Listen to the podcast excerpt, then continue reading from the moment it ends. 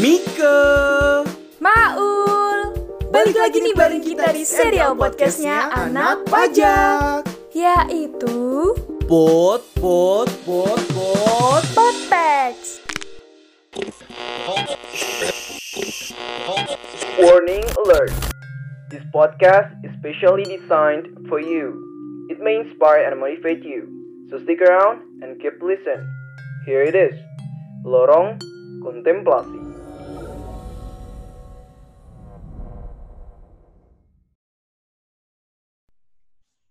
Hai halo semuanya, Eyo, apa kabar nih guys? Wah, udah lama banget ya, aku nggak nyapa teman-teman semuanya nih.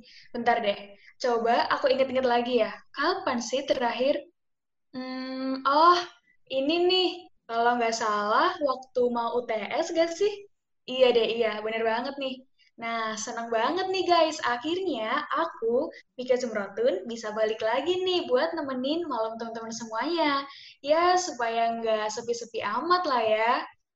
Oke guys, jadi kita nih udah masuk minggu keempat perkuliahan setelah UTS kan ya.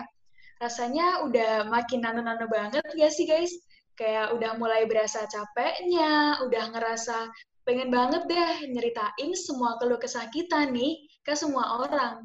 Jadi kayak pengen ngomongin apa aja yang kita rasain. Iya, aku juga gitu kok.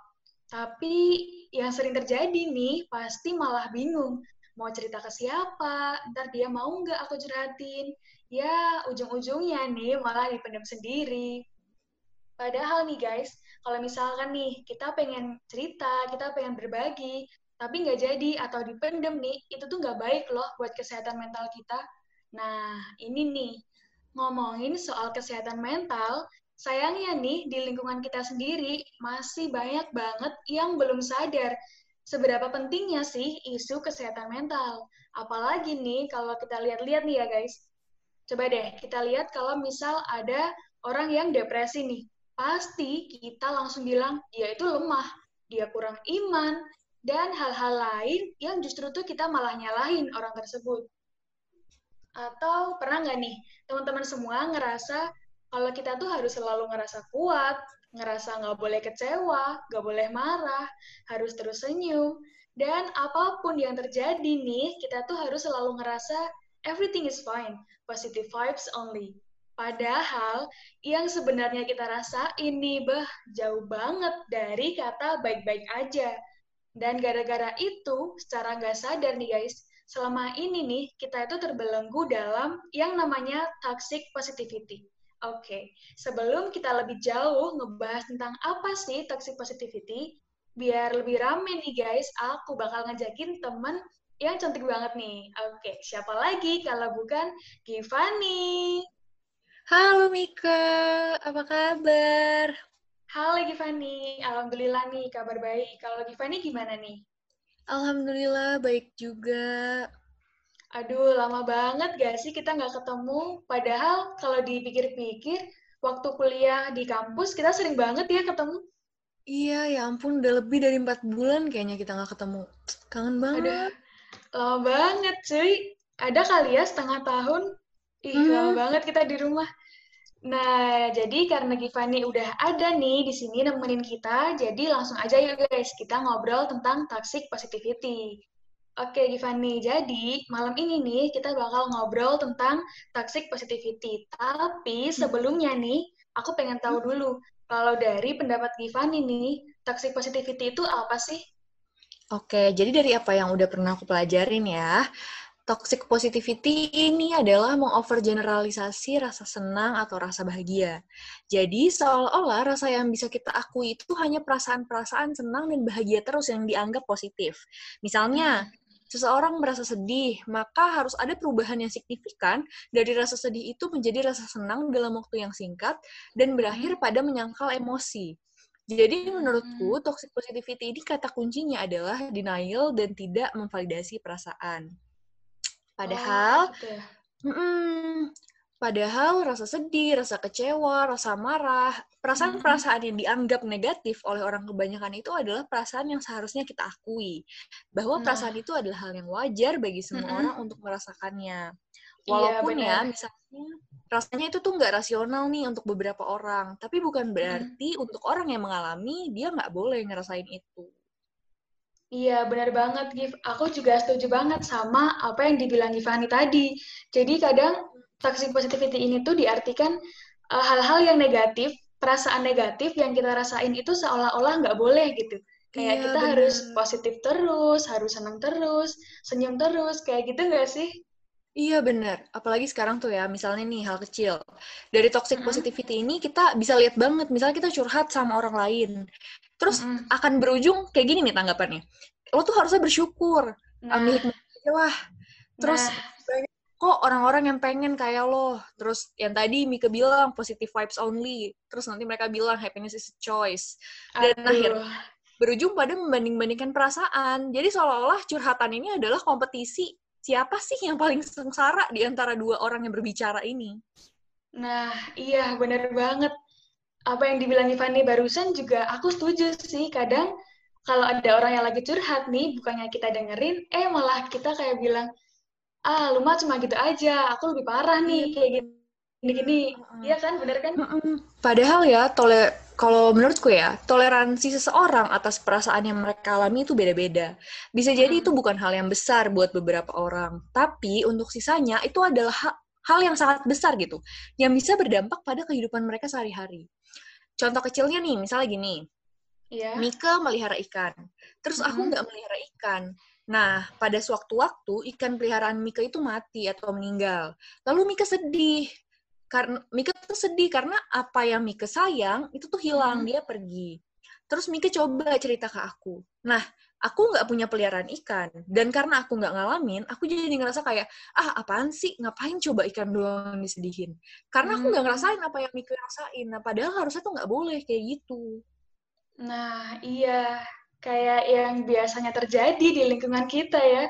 Karena kita nggak ngerasain iya. apa yang lagi dirasain sama orang lain ya udah akhirnya kita anggap remeh apa yang lagi dirasain sama orang. Kayak ah gitu aja. Ya pokoknya kita kayak lebih ngeremehin gitu gak sih? Iya bener banget. Nah jadi karena kita lagi ngomongin toxic positivity nih aku jadi penasaran nih. Menurut pengalaman Givani pernah nggak sih jadi orang yang memberikan toxic positivity? Atau pernah nggak dapat toxic positivity? Kalau misalkan pernah nih kayak gimana tuh ceritanya? Nah jadi toxic positivity ini terjadi unintentionally. Jadi kayak hal ini terjadi bukan direncanakan, bukan disengaja. Jadi kadang kita berpikir kayak gini, dibalik niat baik. Misalnya ya aku kan ngomong kayak gitu ke kamu karena niatku baik. Gue kan ngomong kayak gini ke lo karena niat gue baik. Kayak hmm. gak ada intensi untuk menjahati, nggak ada untuk menyakiti, tapi itu terjadi. Dan itu itu tuh eh, mayoritas orang pasti pernah melakukan itu dan pernah dilakukan seperti itu hal itu terjadi karena mungkin awareness tentang ini kurang, edukasi tentang ini kurang. Jujur aja tentang toxic positivity ini kan baru in banget setahun belakangan ini. Kayak orang tuh mulai mulai yeah, yeah, kesehatan mental tuh baru setahun belakangan, baru dua tahun belakangan. Selama ini tuh orang kayak nggak menganggap kesehatan mental itu sama pentingnya dengan kesehatan fisik. Akhirnya sekarang karena pengetahuan, karena banyak edukasi, banyak awareness, kita tuh makin sadar kalau hal-hal kayak gini tuh yang harus kita omongin. Ini tuh bukan hal-hal tabu yang harus kita hindarkan. Kalau seandainya kesehatan mental tuh nyata loh. Hal ini adalah suatu hal yang bisa berdampak buruk bagi orang lain kalau kita lanjutkan terus. Gitu. Nah, iya benar banget. Lagi-lagi aku setuju banget sama pendapat Givani karena emang bener sih toxic positivity ini baru akhir-akhir ini orang-orang tuh sadar oh ada ya yang namanya toxic positivity. Oh ada ya iya. hal-hal positif yang ternyata nggak baik kayak gitu ya sih Gif. Betul betul betul. Iya sih jadi ya nggak apa-apa sih ada baiknya kalau sekarang kita udah tahu. Ya walaupun yeah. dulu kita pernah ngasih toxic positivity ke orang betul. lain nah minimal hal terkecil yang kita lakukan tuh gini. Misalnya teman kita lagi sedih terus kita tuh ngomong kayak gini udah lo nggak usah sedih. Nah, itu tuh sebenarnya itu adalah suatu hal yang toxic positivity kayak mm-hmm. orang tuh nggak boleh sedih padahal orang tuh wajar. Merasa sedih itu adalah suatu hal yang wajar. Orang menangis itu adalah hal yang wajar gitu. Nah benar banget nih Gif jadi ya kalau menurutku nih orang nangis orang ngerasa sedih dan semua perasaan-perasaan negatif itu tuh ya normal-normal aja wajar dan emang harus diakuin oh eh, kita lagi sedih nih aku lagi nggak mood nih Jadi ya nggak perlu kayak harus seneng terus, harus kayak senyum terus, ya nggak apa-apa. Sekali-kali kita ngerasa sedih, kadang kita nangis. Pokoknya hal-hal yang negatif itu sebenarnya belum tentu itu buruk, karena kadang itu emang hal yang wajar, hal yang murni dari perasaan kita. Nah, ngomongin soal sedih, soal nangis nih, aku pengen tahu nih, Givani gimana sih reaksinya kalau misal tiba-tiba ada temen yang datang curhat terus nangis-nangis, pokoknya nangis yang kayak nangis bombay banget gitu. Nah, kira-kira Givani bakal ngapain tuh? Ibaratnya gini, kita tuh memiliki energi yang di mana energi itu akan kita berikan kepada orang lain yang merasa sedih. Ibaratnya orang itu lagi butuh energi kita saat itu. Nah, Hmm. misalnya di momen itu Mika datang ke aku misalnya, Mika terus Mika cerita, Mika curhat. Nah, di momen itu aku lagi capek misalnya, aku lagi aku nggak bisa. Nah, hal pertama yang harus aku lakukan adalah aku memvalidasi apa yang Mika rasain. Selam, eh, misalnya di menit-menit pertama Mika nangis, terus aku bilang, oke nggak apa-apa Mika eh, menangis itu adalah hal yang wajar, Mika wajar, Mika merasa kecewa, Mika merasa marah, itu nggak apa-apa. Hmm. Nah, lalu step kedua yang harus aku lakukan adalah aku bilang kalau eh, tap, maaf banget Mika, bukannya aku nggak mau dengerin cerita kamu, tapi di momen ini aku lagi nggak bisa. Misalnya bilang, nggak perlu kita jelasin, eh, aku lagi gini, lagi gini, itu kan ujung-ujungnya malah dia awalnya mau curhat, malah jadi kita yang curhat kan. Iya, Nah, tapi kita benar-benar. cukup bilang kayak, "Eh, Mika, maaf banget, em, hari ini aku lagi capek banget, dan itu tuh Mhm. kita tarik lagi ke si orang yang lagi cerita ini. Lalu aku akan bilang ke Mika, aku lagi nggak bisa, aku lagi capek banget. Bukan karena aku nggak mau dengerin curhatan kamu, tapi karena aku Mhm. takut kalau nanti aku menjawab curhatan kamu atau aku dengerin, ak- aku akan melontarkan kalimat yang menyakiti hati kamu karena di momen ini aku lagi nggak stabil. Nah, Hmm. setelah itu baru kita berikan alternatif. Kita bilang, oke, eh, ki- aku butuh waktu misalnya untuk menenangkan diri dua jam, atau aku butuh besok deh Mika kita ketemuan, atau besok deh aku akan telepon kamu, besok ya kita video call. Insya Allah kalau aku udah baik-baik aja besok, insya Allah aku udah bisa lebih lega besok. Kalau besok kita baru bisa cerita ya, gitu. Hmm, Oke, jadi eh, poin pertama yang harus dilakuin itu kita validasi dulu ya, Gif. Gimana Betul. perasaan dari teman kita yang lagi curhat ini. Betul, Terus betul kita banget. harus bilang dulu, kita lagi di posisi bisa buat dicurhatin atau Mm-mm. lagi nggak bisa. Yes. Pokoknya jangan sampai ujung-ujungnya malah jadi kita yang pemain utama, jadi kita yang Iya, curhat. betul. Kayak, aduh, nggak bisa nih, aku lagi, aduh, aduh, aduh, kayak, aduh, jadi kebalik deh situasinya. Iya benar. Oke, oke. Ini aku juga sambil belajar sih, Gif, karena ya emang toxic positivity ini masih gimana ya teman-teman kita ataupun lingkungan kita belum terlalu ngeh banget. Jadi ya kita sama-sama belajar sih. Betul, Oke. betul banget. Eh, selanjutnya nih, Gif, aku mau Hmm. nanya-nanya tentang kalau menurut pendapat Givani sendiri nih, Mhm. toxic positivity itu ada jenis-jenisnya nggak sih?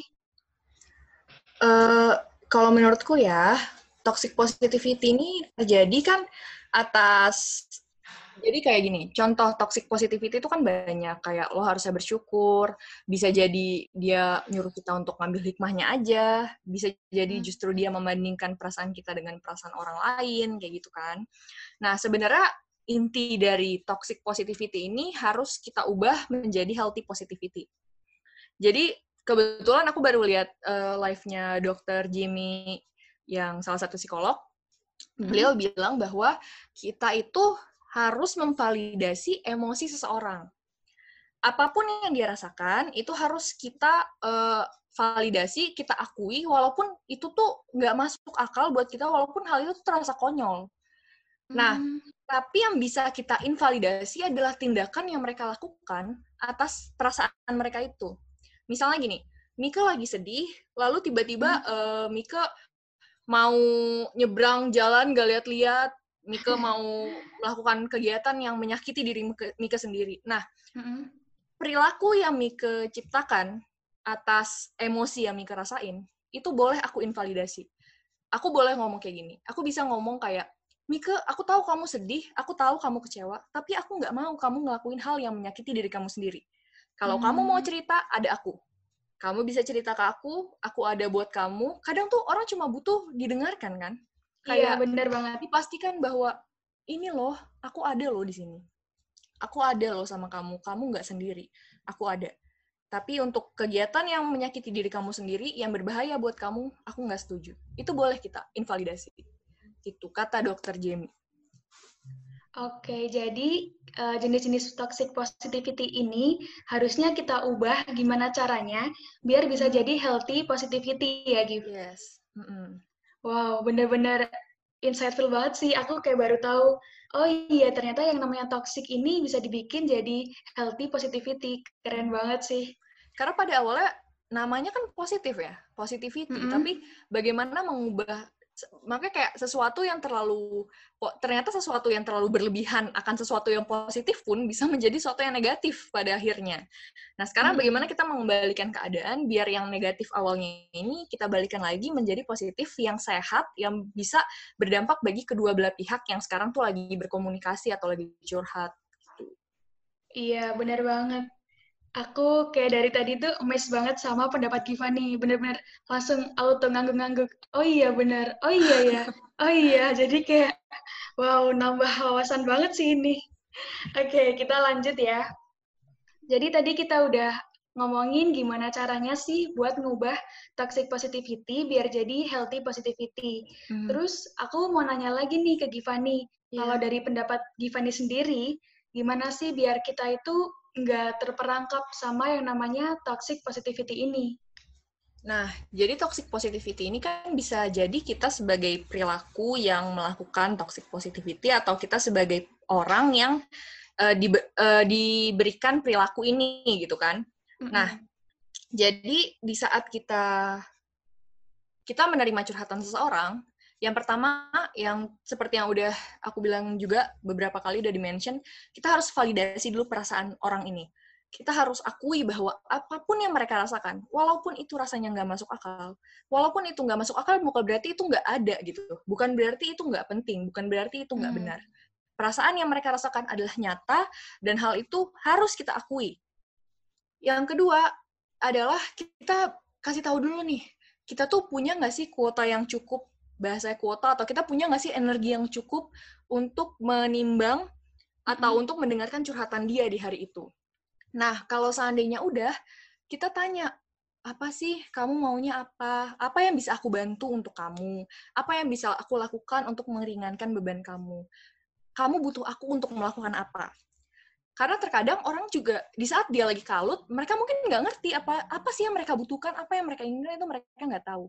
Jadi terkadang kita cukup mendengarkan, kita cukup hmm. membuat mereka meluapkan apa yang mereka rasakan, biar beban di pundak mereka berkurang sedikit, lalu mereka akan bisa berpikir lebih tenang. Oke, okay, jadi aku maunya ini, give, aku maunya ini, aku maunya ini. Oke, okay, dari tiga pilihan yang ada, misalnya aku bisa membantu kamu dengan opsi A, lalu lakukan itu. Kalau seandainya kita memang tidak bisa, kita harus bilang, maaf banget, bukannya aku nggak mau bantu, tapi aku belum punya kapabilitas untuk melakukan itu. Hmm. Aku takut apa yang akan aku lakukan nanti justru menyakiti hati kamu atau berdampak buruk pada diri kamu nanti. Mungkin kamu bisa cari ke professional help atau ke orang-orang yang lebih kompatibel untuk mengatasi masalah-masalah ini. Karena terkadang kita kan nggak bisa mengatasi semua masalah kan. Dan benar Uh -uh, dan ada orang-orang profesional di di sekitar kita itu berfungsi untuk mengatasi masalah-masalah yang nggak bisa dihandle orang-orang pada umumnya, orang-orang kebanyakan. Nah, di sanalah kita harus seek for professional professional help gitu. Hmm, iya sih benar banget. Jadi pokoknya kita terus terang aja nggak sih Gif kalau hmm, misal hmm, kita mampu buat kasih saran, buat mendengarkan, kita bilang aja. Tapi kalau misalkan kita nih lagi ada di satu kondisi kita nggak bisa dan kita belum iya, mampu, ya udah terus terang aja daripada kita kasih saran yang endingnya malah menyesatkan gitu kan? Iya benar. Apalagi proses komunikasi yang berbahaya, yang kayak nggak baik itu, itu tuh akan mengakibatkan uh, dampak bagi kedua belah pihak kayak aku misalnya saat itu lagi capek tapi aku nggak bilang kamu aku lagi capek terus aku malah dengerin omongan kamu malah denger curhat hmm. kamu terus aku malah memberikan uh, respon yang ih itu tuh jahat buat kamu karena aku lagi nggak ngerasain apa yang kamu rasain gitu. Jadi kayak akhirnya hubungan aku ke kamu nggak baik hubungan aku ke diri aku sendiri nggak baik hubungan kamu ke diri kamu sendiri nggak baik. Karena kadang orang yang dilakukan toxic positivity ini dia akhirnya uh, apa ya bertanya-tanya atas apa yang dia rasain. Kayak aku pantas nggak ya ngerasain ini? Aduh perasaanku ini cuma bikin malu malu aku aja deh. Kadang mereka merasa shameful atas apa yang mereka rasakan. Padahal apa yang merasa mereka rasakan itu nggak salah gitu Nah, iya nih bener banget Gif. Kadang nih, aku pernah kan di satu kayak satu kondisi di mana aku lagi nggak bisa dicurhatin sama teman aku, tapi Iya. karena aku ngerasa nggak enak kan kalau wah dia Hmm. lagi curhat nih, masa iya aku bilang nggak bisa gitu. Akhirnya Mm-mm. ya udah aku maksa diri buat dengerin curhat dia, tapi endingnya ya itu tadi sih bener yang dibilang Givani. Jadi nggak maksimal ngasih sarannya, jadi Iya, kayak ya asal-asalan gitu nggak sih? Iya, itu benar. Makanya itu kayak itu pentingnya boundaries kayak itu tuh batasan kayak kamu tuh juga harus lebih apa kita tuh harus mengenal kan diri kita masing-masing kayak kalau seandainya di momen ini aku dengerin curhatan dia, aku sanggup nggak ya? Kalau aku nggak sanggup, Hmm. misalnya eh, aku lebih capek atau itu tuh bikin emosiku jadi nggak stabil, ya berarti di momen itu aku belum siap gitu. Hmm, oke oke, keren banget pendapat Givani. Oke, Sebenarnya kita lanjut ya. loh. Oh ya, oke. Hmm. Oh iya, tadi Givani mau bilang gimana? Oh, enggak, sebenarnya banyak banget artikel tentang hal-hal kayak gini. Apalagi Mm-mm. banyak juga eh, psikolog-psikolog yang udah profesional di Indonesia ngomongin tentang hal-hal kayak gini. Terus eh, artikel-artikel itu tuh udah banyak banget sih tentang toxic positivity ini. Karena ini kebetulan eh, topik yang lagi in banget nih dibicarain sama orang-orang kan sekarang. Iya, apalagi nih di YouTube, di Instagram gitu, benar-benar rame banget lagi ngebahas toxic positivity ini. Bener. Dan kebetulan kita sebagai mahasiswi juga lagi ngerasain ini gak sih, Giv? Iya, bener, Apalagi bener. PJJ kayak gini, bawaannya kayak stres, kayak sedih, capek gitu kan. Iya. Terus eh, sebagai orang yang di- diberikan perilaku toxic positivity, mungkin misalnya kita sebagai seorang yang curhat ya. Jadi Iya. sebelum kita curhat, kita tuh yang pertama kali harus kita tanyakan ke orang ini apa kabar kamu? Kamu lagi Mhm. ngapain? Lagi sibuk enggak? Kira-kira apakah kamu punya energi yang cukup untuk aku cerita sesuatu karena aku mau cerita nih tentang suatu hal, kamu lagi ngerasa capek enggak? Kamu ngerasa, lagi ngerasa exhausted enggak? Aku boleh nggak cerita Hmm, sama kamu? iya, Itu yang iya. pertama harus kita tanyakan ke orang yang ingin kita curhatkan. Yang kedua, misalnya kita udah ngelakuin kayak gitu, terus ini orang memberikan respon yang tidak sesuai dengan apa yang kita mau, dia tidak memvalidasi apa yang kita rasain. Maka Mm-mm. take a step back, kita mundur, oke? Eh, kita nggak usah paksakan sesuatu yang kita inginkan kepada orang lain, kayak aku tuh berekspektasi si orang ini akan ngelakuin hal ini misalnya, tapi ternyata dia nggak melakukan hal itu dan dengan berpikir hal-hal yang kayak gitu itu justru membuat aku semakin tidak merasa baik. Nah, Hmm. ya udah akhirnya aku tap- take a step back, aku bisa carilah teman yang lain yang bener-bener bisa eh, kira-kira ini orang emang bener-bener bisa nih aku ceritakan, dia bisa mengerti atau setidaknya walaupun dia tidak mengerti, dia bisa memvalidasi apa yang aku rasain. Karena terkadang kita cuma butuh pengakuan kan, butuh pengakuan atas apa yang kita rasain. Iya, Nah, iya. Bener banget. Nanti kalau seandainya udah tenang, udah let out semua masalahnya, mungkin udah beberapa hari setelahnya, barulah kita ngomong nih ke teman kita. Karena mungkin di momen itu, teman kita tuh nggak ngerti. Hal-hal kayak gini tuh dia nggak ngerti. Bukan berarti dia jahat, bukan berarti dia nggak sayang sama kita. Tapi di, dia tuh belum mengerti hal-hal kayak gini. Nah, baru nanti kita baru cerita, "Eh, Hai, kamu lagi apa? Tahu nggak sih di hari itu aku berharap sebenarnya kamu tuh kayak gini, gini, gini, gini. Mungkin next time sebaiknya kamu kayak gini, gini, gini, gini. Tapi kalau kamu tetap mau eh, kayak gitu ya udah nggak apa-apa. Berarti kita karena kita nggak bisa memaksakan diri kita apa yang kita inginkan ke orang lain. Selanjutnya yang harus kita lakukan adalah oke berarti orang yang ini nggak bisa menjadi teman curhat kita. Mungkin dia nggak bisa karena dia tidak memiliki kapabilitas untuk itu. Gitu. Hmm, jadi bukan cuma dari sisi pendengarnya ya, Gif, Hmm. tapi kita sebagai orang yang mau curhat juga harus nanya dulu nih Iya, ke benar. teman kita, Benar bang. kira-kira dia lagi free atau enggak, dia lagi bisa dicurhatin atau enggak, Betul. perasaannya lagi gimana hari itu. Yes, bener banget. Jadi ya biar ada komunikasi dari dua arah yang lebih efektif gitulah ya istilahnya. Iya betul, betul banget Nika. Oh iya, benar banget nih. Ini yang harus dicatat sama aku dan teman-teman lain supaya kita nggak langsung ngejudge teman kita, ih dia diajak curhat nggak bisa nih, ih dia Hmm. gini banget sih, nggak langsung kayak gitu kan ya. Iya benar benar benar. Oke, jadi kalau ngomongin toxic positivity nih, Gif, kan itu Mhm. erat banget nih ya sama yang namanya empati. Mm-mm. Nah, kalau dari pendapat Givani sendiri, gimana sih cara buat ngebedain, oh yang ini, ini tuh kata-kata yang termasuk menunjukkan ini empati kita, dan yang Oke. ini tuh toxic positivity. Nah, kayak gimana tuh Gif caranya?